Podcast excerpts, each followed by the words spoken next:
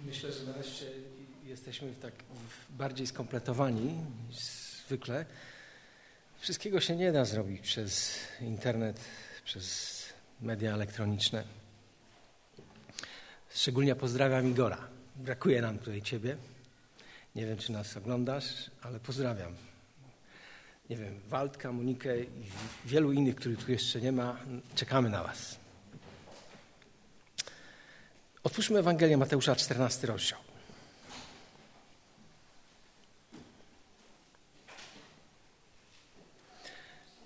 I przeczytamy od piątego wersetu do 33. Dzisiaj, jak Daniel na początku zrobił tą wędrówkę przez Biblię, to była dla nas dobra taka gimnastyka i, i, ocena własnej znajomości Biblii i ksiąg, które tam są. Tak? Ciekawe, czy komuś uda, udało się nadążyć za Danielem, znajdując wszystkie teksty na czas. No, ale to dobrze przynosić Biblię i ją otwierać.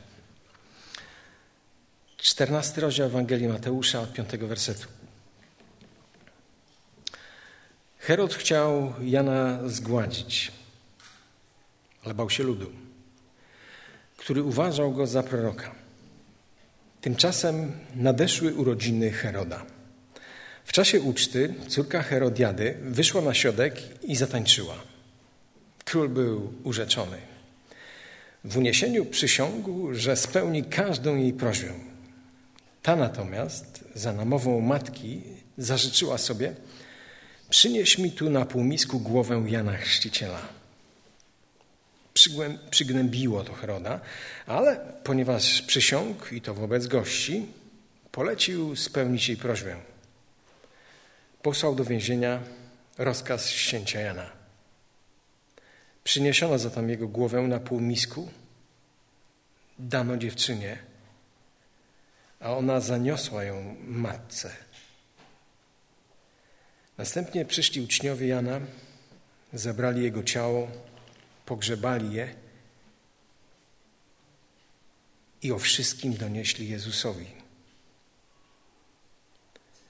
Po usłyszeniu tej wiadomości Jezus wsiadł do łodzi i samotnie odpłynął stamtąd w ustronne miejsce.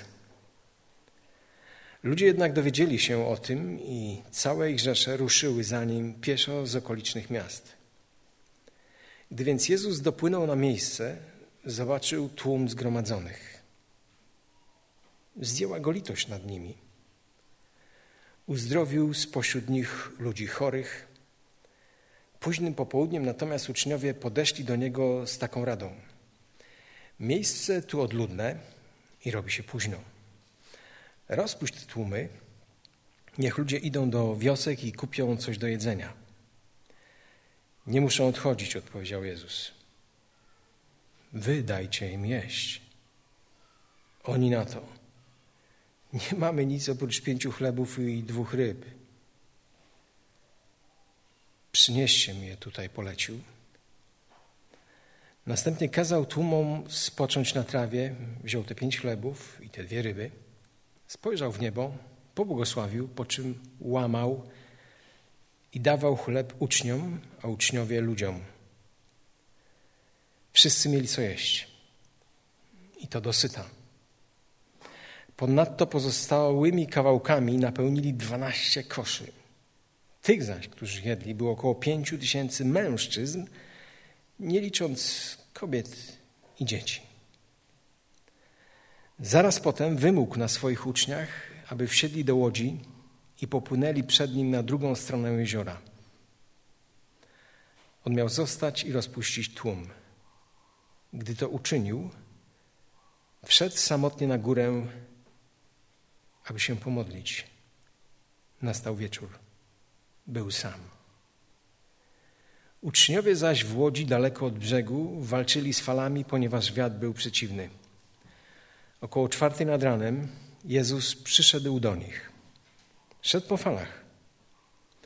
Gdy uczniowie zobaczyli go idącego po wodzie, przestraszyli się, myśleli, że to zjawa, ze strachu nawet krzyknęli. Lecz Jezus zaraz ich uspokoił. Odwagi przemówił. To ja jestem, nie bójcie się. Wtedy odezwał się Piotr: Panie, jeśli to Ty jesteś, każ mi przyjść do siebie po wodzie. Przyjdź, polecił.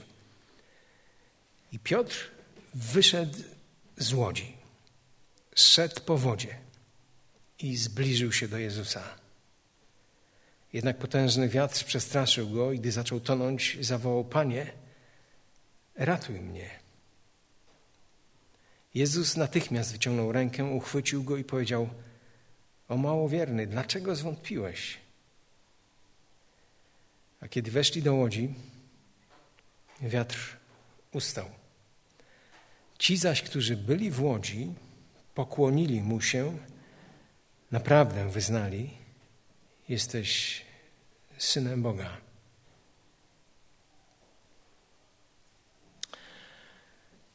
Herod zabrał swojemu bratu piękną kobietę, która była żoną jego brata, i uczynił ją swoją własną żoną. Boży sługa Jan był na tyle odważny, że jeżeli widział, że rzeczy dzieją się w sprzeczności do tego, co jest zgodne z Bożym porządkiem, miał odwagę mówić o tym nawet królowi. My czasami jesteśmy zbyt ułożeni, zbyt politycznie poprawni, ale jak popatrzymy na Jana i to, co zrobił w tej sytuacji, to to nie było tutaj zbyt dużo takiej poprawności politycznej. Wyobraźcie sobie, co mogło dziać się w głowie i w sercu króla, od którego zależało życiu, wie, życie wielu ludzi, a to jakiś pustynny kaznodzieja z nad Jordanu, ubrany w jakiś dziwaczny sposób, odżywiający się jeszcze w bardziej dziwny sposób, jak śmie ktoś taki, taki śmieć królowi zwracać uwagę?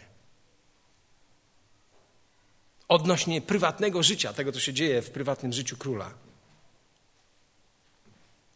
Wiadomo, jaki był, mógł być scenariusz. Wtrącił go do więzienia, chciał go zabić, ale z drugiej strony król bał się tego, co dzisiaj nazywamy opinią publiczną i tego przez pewien czas nie robił. Pamiętam, jak były czasy strajków, lata protestów studenckich, Solidarności i też zrobiliśmy strajk na uczelni chrześcijańskiej. Rektor główny Gaspary, bardzo dobry dydaktyk, nauczyciel, człowiek no, wielkiego kalibru, dziękował nam, studentom, że zrobiliśmy strajk. Powiedział, bo żadna szyba by nie została w tej uczelni, gdybyście nie zastrajkowali. Ale pamiętam, jak mieliśmy spotkanie tutaj z braćmi z Rady Kościoła, którzy powiedzieli, jak wy śmiecie, czytając Biblię, zrobić taką rzecz. Czy nie należy być poddanym władzy? No i w ten czas my, tacy 19-20-letni studenci, odpowiedzieliśmy, a bracia nie czytali, co zrobił Jan i dlaczego siedział w więzieniu? Tak sobie to wytłumaczyliśmy w ten czas. Wracamy do tekstu. Wiemy, że nie podobało się królowi to, co mówił Jan, ale z drugiej strony Biblia mówi, że były takie chwile, kiedy chętnie słuchał tego, którego uwięził. Ciekawe. Czasami tak jest z Tobą i ze mną. Są takie momenty, że jak jest nam mówiona prawda, to z jednej strony nie pasuje nam to, co słyszymy i ta osoba, która nam mówi, i jak najszybciej byśmy chcieli taką osobę zamknąć, wykasować. I używamy do tego różnych sposobów, ale z drugiej strony jest w nas coś, co chce tego słuchać, bo wiemy, że to jest prawdą. I podświadomie wiemy, że prawda jest czymś, co nas uwalnia. Bóg mówił do Heroda przez swojego człowieka, i ten człowiek nazywał się Jan Chrzciciel. I myślę, że Bóg mówi do każdego z nas, mówi przez swoje słowo, mówi przez wydarzenia, mówi przez to, co dzieje się w naszym życiu, przez sumienie. Ale jest w nas w takim momencie, gdy mamy świadomość, że mówi do nas Bóg i mówi to, czego za bardzo byśmy nie chcieli słyszeć, żeby Boga wyłączyć. Albo przynajmniej przejść w taki stan po prostu pewnej neutralności, żeby wyłączyć ten przekaz Jeżeli jesteś w takim miejscu, to chciałbym powiedzieć, gdy chcesz wyłączyć to, co Bóg do ciebie mówi, co ci się nie podoba z różnych powodów, to chcę ci przypomnieć i powiedzieć, żebyś miał świadomość, że Bóg wiecznie tego nie będzie robił. Gdy są chwile, gdy są momenty, gdy są etapy, gdy Bóg mówi, to lepiej słuchaj. Jeżeli będziesz próbował zarezerwować dla siebie taką pozycję neutralną, to prędzej czy później ta próba bycia neutralnym, zawarcia czy bycia w pewnym kompromisie doprowadzi do tego, że targniesz się na to, co mówi Bóg i nie będziesz tego słuchał. Tak stało się w życiu Heroda. Król nie chciał w ten sposób usłysz, uciszyć Jana, ale przez ten ciągły kompromis doszedł do miejsca, gdy musiał, praktycznie nie musiał, ale zdecydował się zabić człowieka, który mówił mu prawdę. Pomyślmy przez chwilę o uczniach Jana. Dla nich Jan był takim Bożym człowiekiem, mówił niezwykłe rzeczy.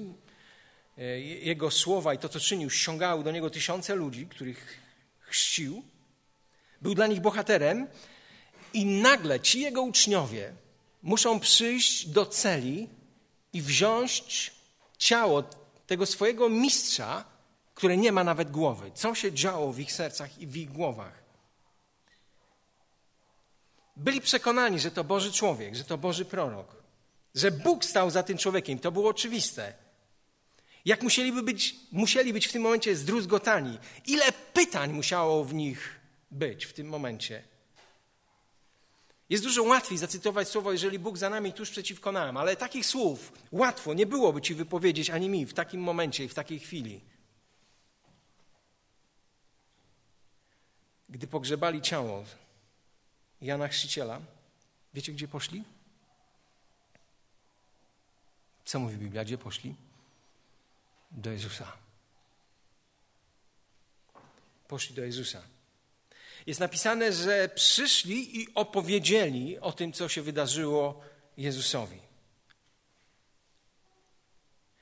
I chcę Ci powiedzieć, że jeżeli w Twoim życiu są takie sytuacje, których nie rozumiesz, które Cię przerastają, które Cię zatapiają, przeciwko którym się buntujesz, może nawet w tym momencie buntujesz się przeciwko Bogu, masz do Niego żal, pretensje, bunt, że zezwala, by te rzeczy się działy, to chcę Ci powiedzieć, i mówi to Boże Słowo, że możesz do Niego przyjść z tym całym bólem, z tymi wszystkimi pytaniami, z tym całym żalem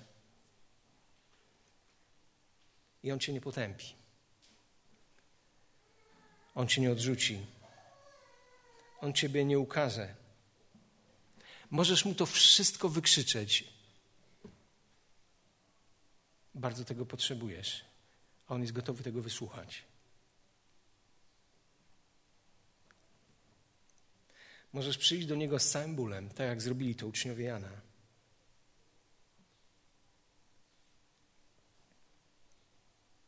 Popatrzmy na reakcję Jezusa, gdy dowiedział się o śmierci Jana.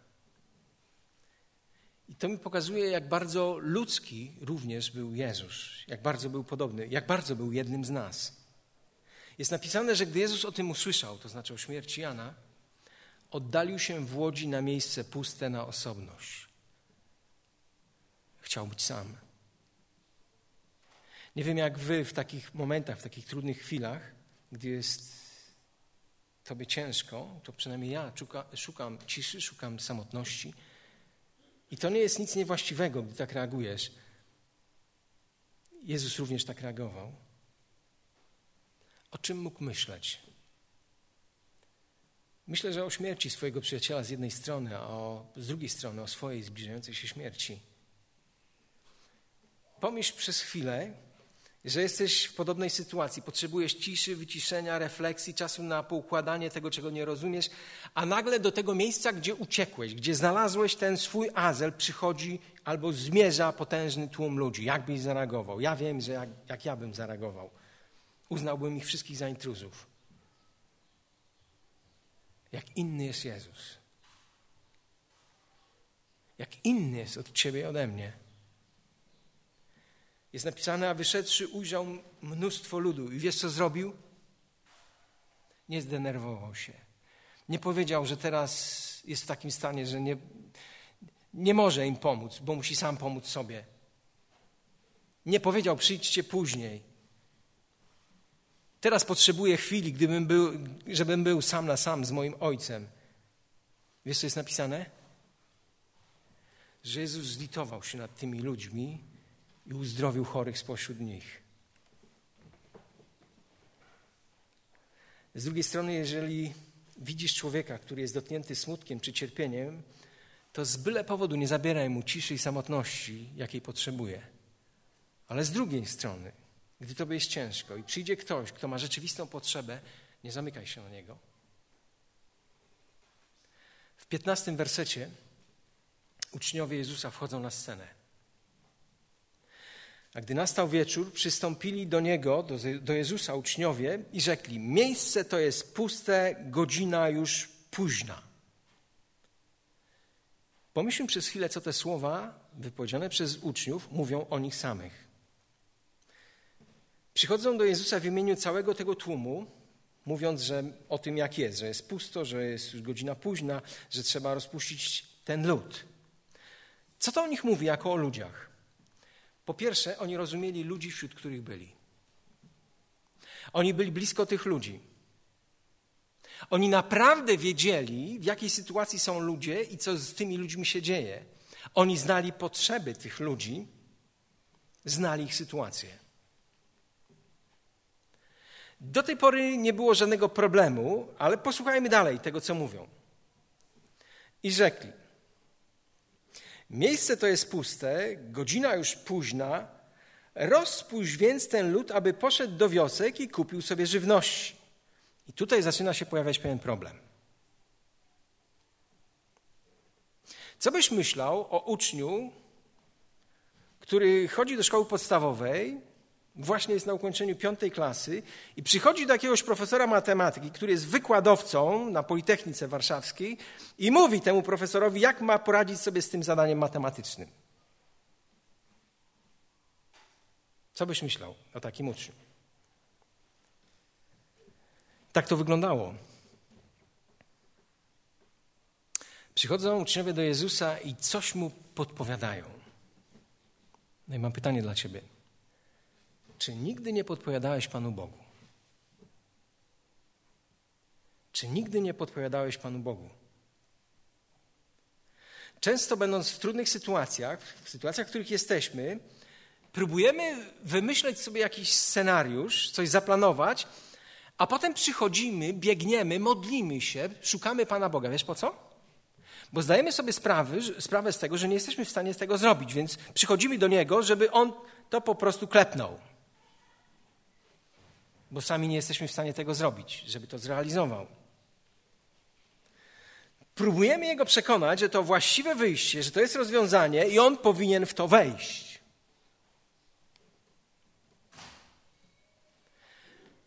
Z drugiej strony myślę, że cała ta argumentacja uczniów, miejsce puste, godzina późna, to są argumenty, które przemawiają na korzyść ich scenariusza. Mieli logiczne argumenty, czyż nie? A jak na te logiczne argumenty reaguje Jezus? Rzekł Jezus. Wiesz co rzekł? Oni mówią, trzeba odejść, trzeba rozpuścić. A co mówi Jezus? Nie trzeba, żeby odchodzili. Gdybym ja był uczniem, to te słowa jeszcze bardzo by mnie tak mocno nie sprowokowały. No cóż, jeżeli ma taki pomysł, nie trzeba, żeby odchodzili, no zdziwiłbym się trochę, jakbym usłyszał taką odpowiedź w takiej sytuacji, ale nie wywołałoby to jakiejś większej emocjonalnej reakcji we mnie. Ale zobaczmy, co dzieje się dalej. Nie trzeba, żeby odchodzili. Wiesz, co ten czas Jezus mówi? Dajcie wy im jeść. O, tutaj już bym zareagował. Tutaj mnie dotknął. My, ja, jeść. Nic nie mamy, pięć tysięcy ludzi, samych facetów i my mamy jeść, dać im jeść.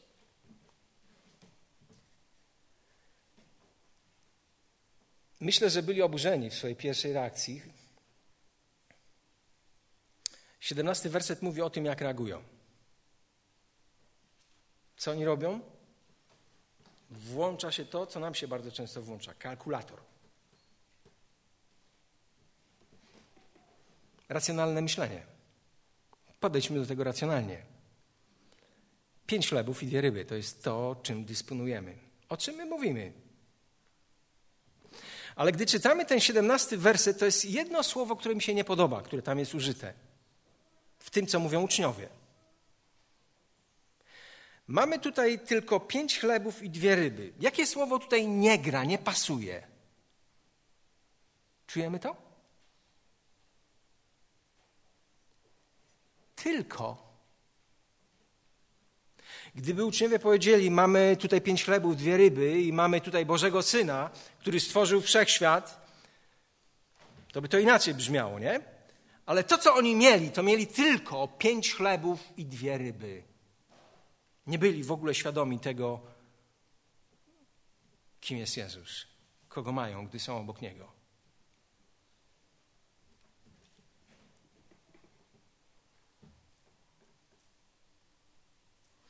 Nie byli tego świadomi.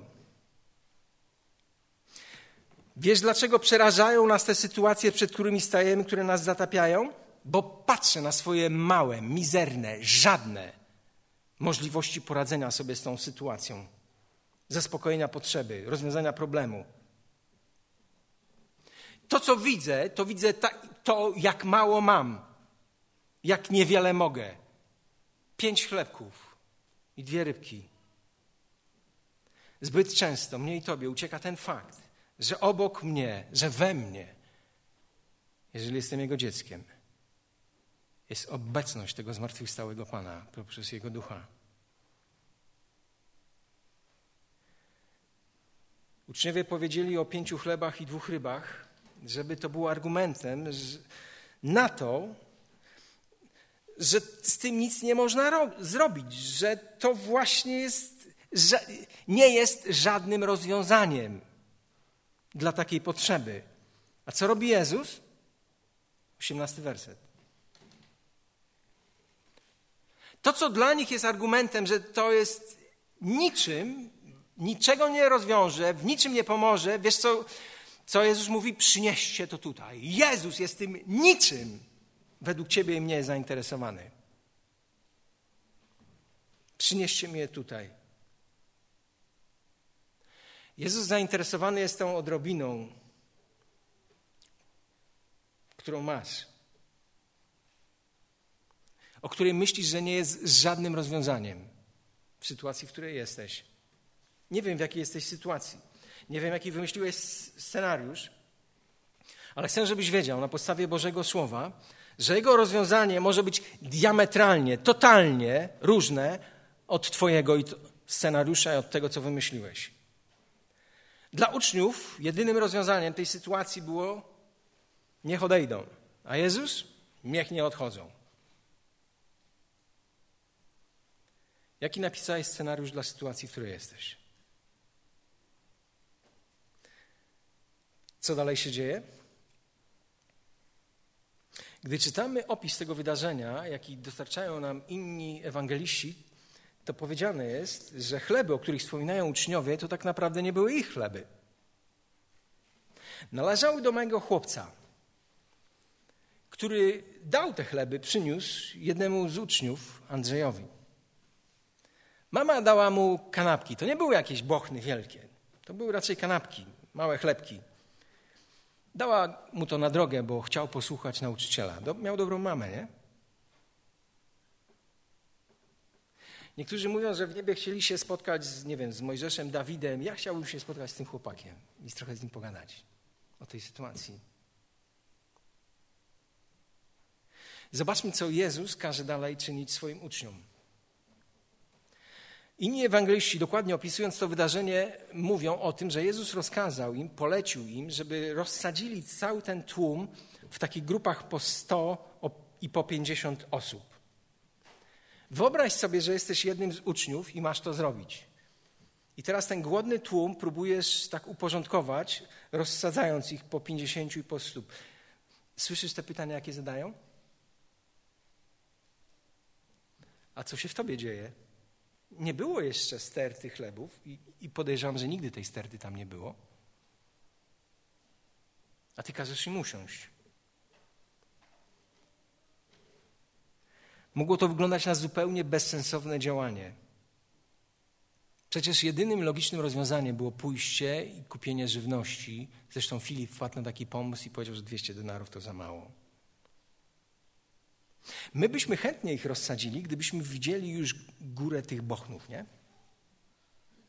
To byśmy z chęcią na ochotnika rozsadzali.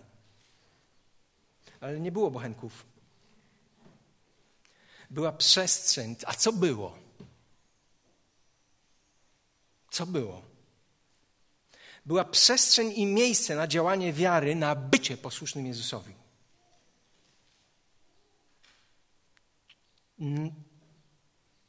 Taka była przestrzeń. Na to było miejsce.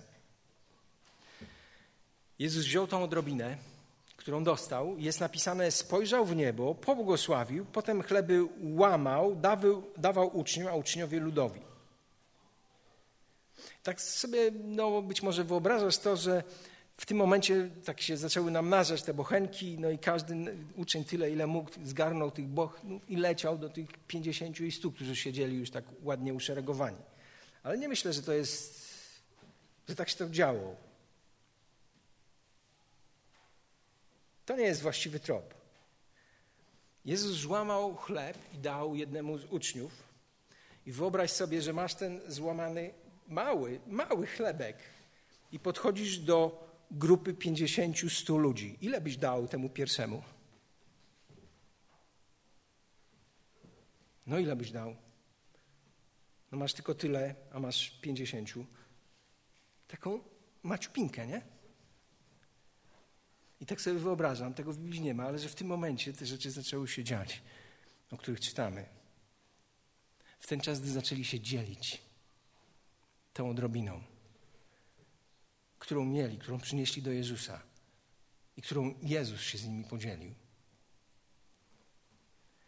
Niektórzy próbują opisać, że to była Eucharystia, co tu się tu stało, że tu nie było żadnego rozmnożenia. To tak niektórzy egzegeci tak piszą. Tylko mam pewien problem. Na końcu było 12 koszy. Resztek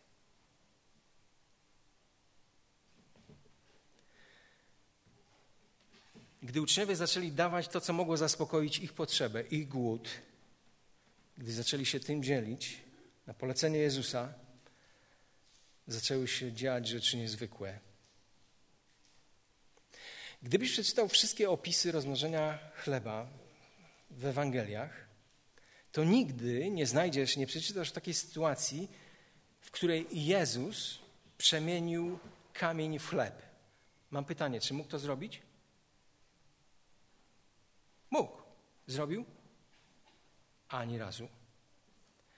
A mógł na przykład trawę albo liście zamienić w rybki? Mógł? A ile razy zrobił? Podaję liczbę. A jak zawsze robił te cuda? Zawsze robił z tej odrobiny, którą przynieśli mu ludzie. Zawsze czynił to z tej odrobiny, którą przynieśli mu ludzie. Jeżeli chcesz doświadczać i zobaczyć Boga, który działa w niezwykły sposób w Twoim życiu, to musisz być gotowy przyjść do Niego z tą odrobiną, którą masz. I dać to do Jego dyspozycji. I On chce, żebyś to do Niego przyniósł i żebyś to zrobił. I gdy to zrobisz, on uczyni niezwykłe rzeczy, które nie mieszczą się w Twoich największych marzeniach. Taki jest Jezus. Biblia mówi, że jedli wszyscy, byli nasyceni, zebrali z pozostałych odrobin 12 pełnych koszów. Nie ma co tu spekulować za bardzo nad liczbą 12 koszy. Ilu było apostołów? nie wsadzili tego na pick-upa, sobie to podwozili. Każdy niósł taki kosz na swoich plecach i dźwigał i miał czas na przemyślenia, że wciskało go w ziemię coś, czego nie powinno tam być. Taka lekcja od mistrza.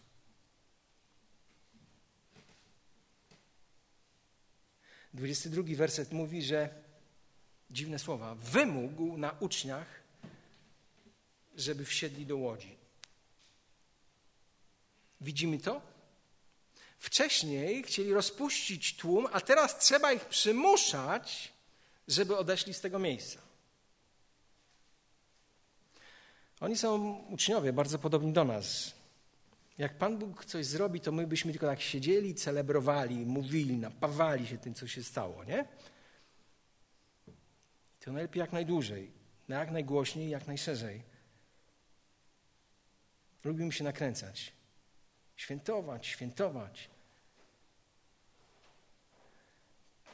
Jezus musiał ich rozpuścić. Wiesz dlaczego? Bo byli inni ludzie, którzy potrzebowali Jego obecności.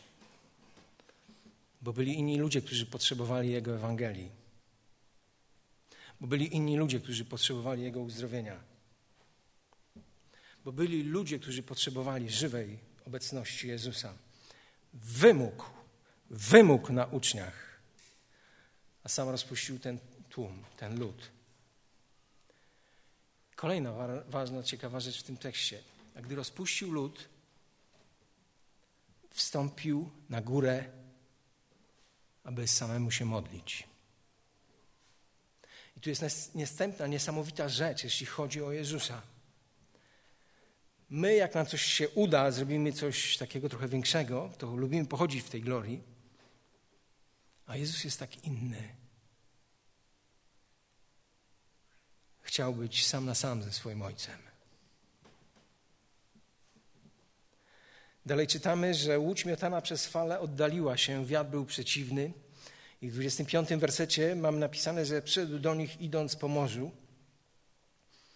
Ludziom się w głowie to nie mieści. Może słyszysz tego i mówisz, no tutaj kończy się moja wiara w przekaz Bożego Słowa.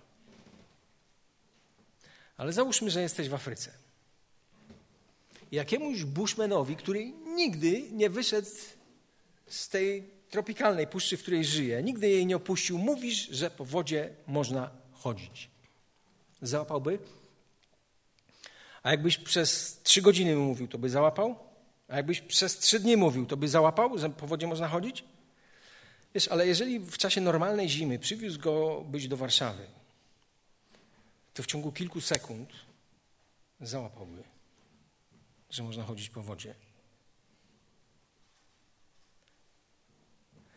Czy myślisz, że ten, który sprawia, że dzisiaj woda może być tak twarda i stabilna, że ten, który stworzył ten potężny świat z taką ilością galaktyk, że nie jesteśmy w stanie ich nawet policzyć, wyobrazić sobie tej liczby, czy myślisz, że ktoś taki nie mógł sprawić, że mógł sobie trochę latem pochodzić po wodzie, że to jest niemożliwe, że to go przerasta? W jakiego Jezusa wierzysz?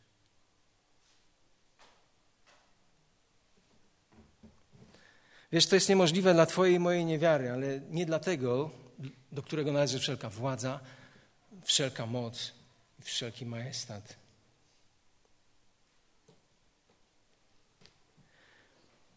Jezus idzie po, po tych falach i nagle widzą Jezusa w sytuacji, która przerasta wszelkie ich doświadczenie, wszelkie ich zrozumienie. Jak reagują? Tak jak my, strachem. Bali się. Wiemy dlaczego?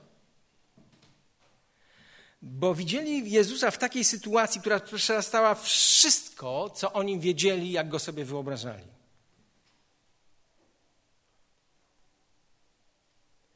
Nawet Biblia mówi, że ze strachu krzyknęli. No bo oni wierzyli, że jak jest zjawa, to trzeba krzyknąć i w ten czas zniknie. Taką mieli wiarę. A co ich przekonuje, że to jest Jezus? Pomimo, że to jest tak różne od tego, co oni wiedzieli. Co ich przekonało do tego, że jednak jest to Jezus? Co ich przekonało? Słowa Jezusa. Gdy Jezus zaczyna do nich mówić: Ufajcie, ja jestem, nie bójcie się. Zwróćmy uwagę na jednego z nich, na Piotra. 28 werset to opisuje. Cytuję apostoła. Panie, jeśli to Ty jesteś, każ mi przyjść do siebie po wodzie. Jakbyśmy zapytali tych pozostałych jedenastu na tej łodzi, czy oni wierzyli, że można przyjść do Jezusa po wodzie, co oni by powiedzieli? Jakbyśmy taką sondę zrobili z jedenastoma. Wszyscy by pozytywnie wyznawali, nie? Jak jeden mąż. Mam pytanie, ilu wyszło? Jeden. Problem w tym, że tylko jeden był gotowy zaryzykować. Wyobrażasz sobie, jak stawiał pierwszy krok?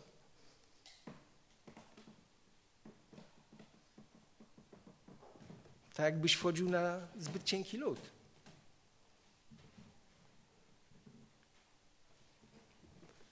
Ciekawe, co myśleli sobie ci pozostali, jak na niego patrzyli w tym momencie, co?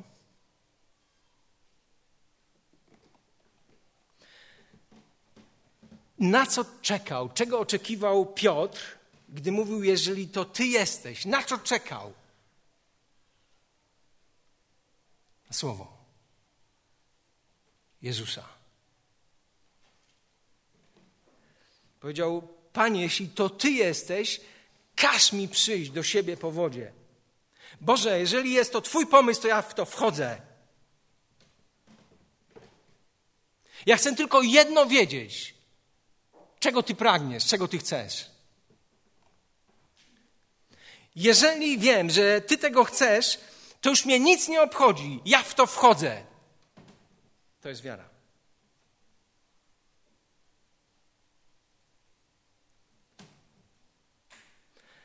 Czy naprawdę chcesz wiedzieć to, czego Bóg dla ciebie chce w Twoim życiu? Naprawdę?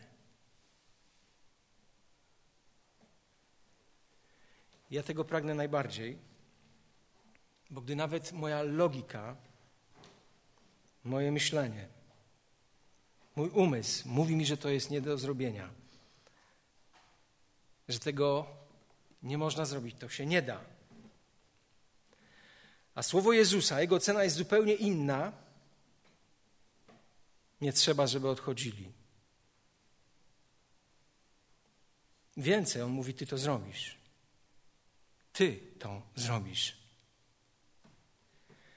Jeżeli on wypowie słowo, to już się to stało, to już jest zrobione. On bierze całą odpowiedzialność i płaci każdy rachunek. Tak jest Jezus. Panie, powiedz tylko słowo. Chciałbyś usłyszeć, co Jezus ma Tobie do powiedzenia? Chcesz, chcesz usłyszeć to słowo? Piotr chciał. I dzięki temu zaczęła się dziać kolejna niemożliwa rzecz w życiu Piotra. Szedł po wodzie. Przyszedł do Jezusa. Ale wiesz, Piotr jest taki jak ty i ja. Przecież wiadomo, że po wodzie chodzić nie można, nie? I zaczął tonąć. Wiesz, i gdy zaczął tonąć, jest ciekawą rzeczą zwrócenie uwagi na słowa, jakie wypowiedział do Jezusa. On nie mówił, Panie, jeśli to Ty jesteś, to mnie ratuj. Tym razem tak nie mówi. Nie upewniał się, ale mówi krótko: Panie, ratuj mnie. Może to właśnie jest najbardziej potrzebny okrzyk, najbardziej potrzebne słowa, jakie powinieneś dzisiaj wypowiedzieć do Boga. Masz świadomość, że toniesz? Że rozpada się relacja, w której jesteś, że rozpada się Twoje małżeństwo? że rozpada się Twój biznes, że to nie Twój biznes? Co mu dzisiaj powiesz?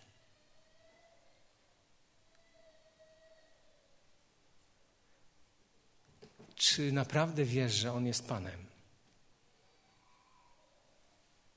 Czy go posłuchasz?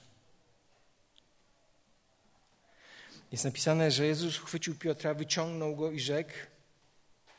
Zobaczcie 31 werset Piotr ma nowy tytuł. Małowierny. Jeżeli Jezus powiedział tak o Piotrze, który chodził po wodzie, to co może powiedzieć o Tobie i o mnie?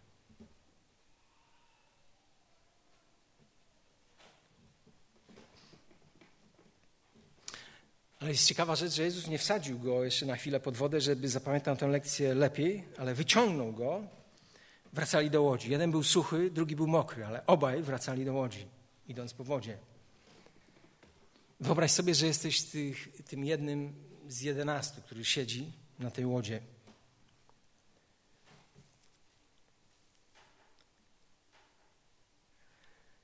Jesteśmy skorzy do krytykowania. Jaki niewierny. Nawet Pan musiał o nim powiedzieć takie słowa. Wiecie, którzy, jacy ludzie najbardziej krytykują? To są tacy jak pozostali uczniowie, którzy siedzą w łodzi. Nigdzie nie wyszli, niczego nie zaryzykowali, nie podjęli żadnego ryzyka, niczego nie zrobili.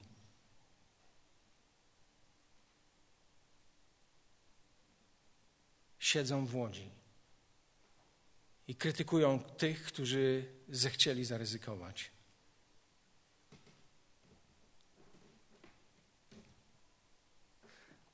Z drugiej strony, tak myślę, gdy wchodzisz w coś, czego chce Bóg, to tak naprawdę obiektywnie nie ponosisz żadnego ryzyka. To żadne ryzyko. To jest najbardziej bezpieczne miejsce. Z Jezusem na wodzie jest dużo bezpieczniej niż bez Jezusa w łodzi. Nawet gdy będziesz chodził po wodzie, nie będziesz tonął. Nie znam bardziej bezpiecznego miejsca.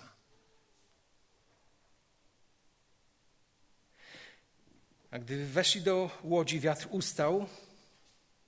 I teraz popatrzmy na reakcję uczniów. A ci, którzy byli w łodzi, złożyli mu pokłon, mówiąc: Zaprawdę, ty jesteś Bożym synem. Tak zastanawiałem się, dlaczego tych słów nie wypowiedzieli wcześniej, gdy nakarmił prawie 20-tysięczny tłum ludzi, bo było 5 tysięcy facetów, tyle samo kobiet i dwa razy więcej dzieci. Dlaczego w tym momencie nie wypowiedzieli tych słów?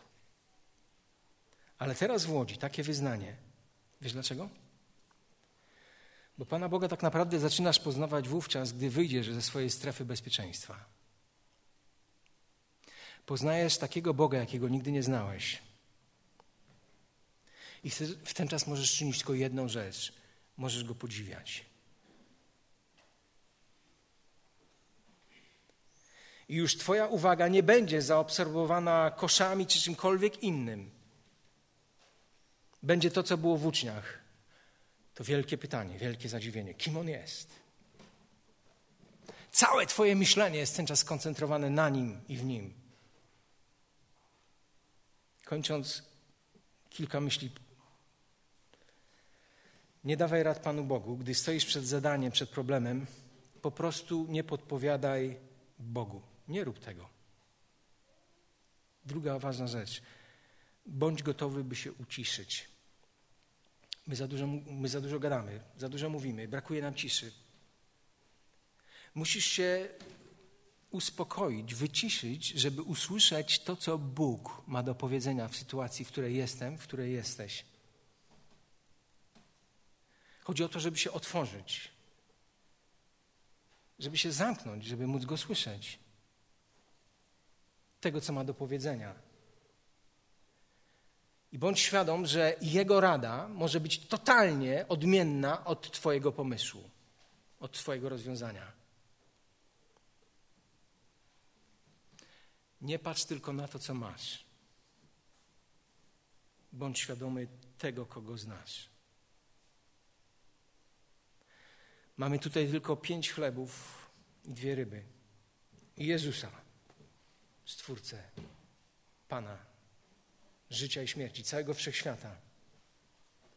I ja jestem po Jego stronie.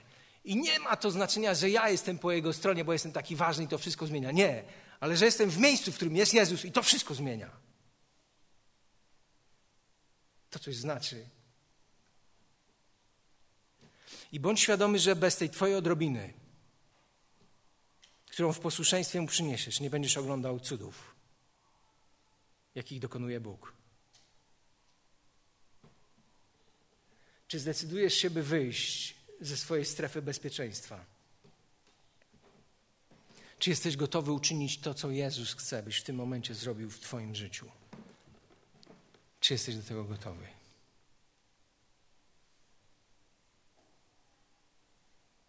Powstańmy i módlmy się.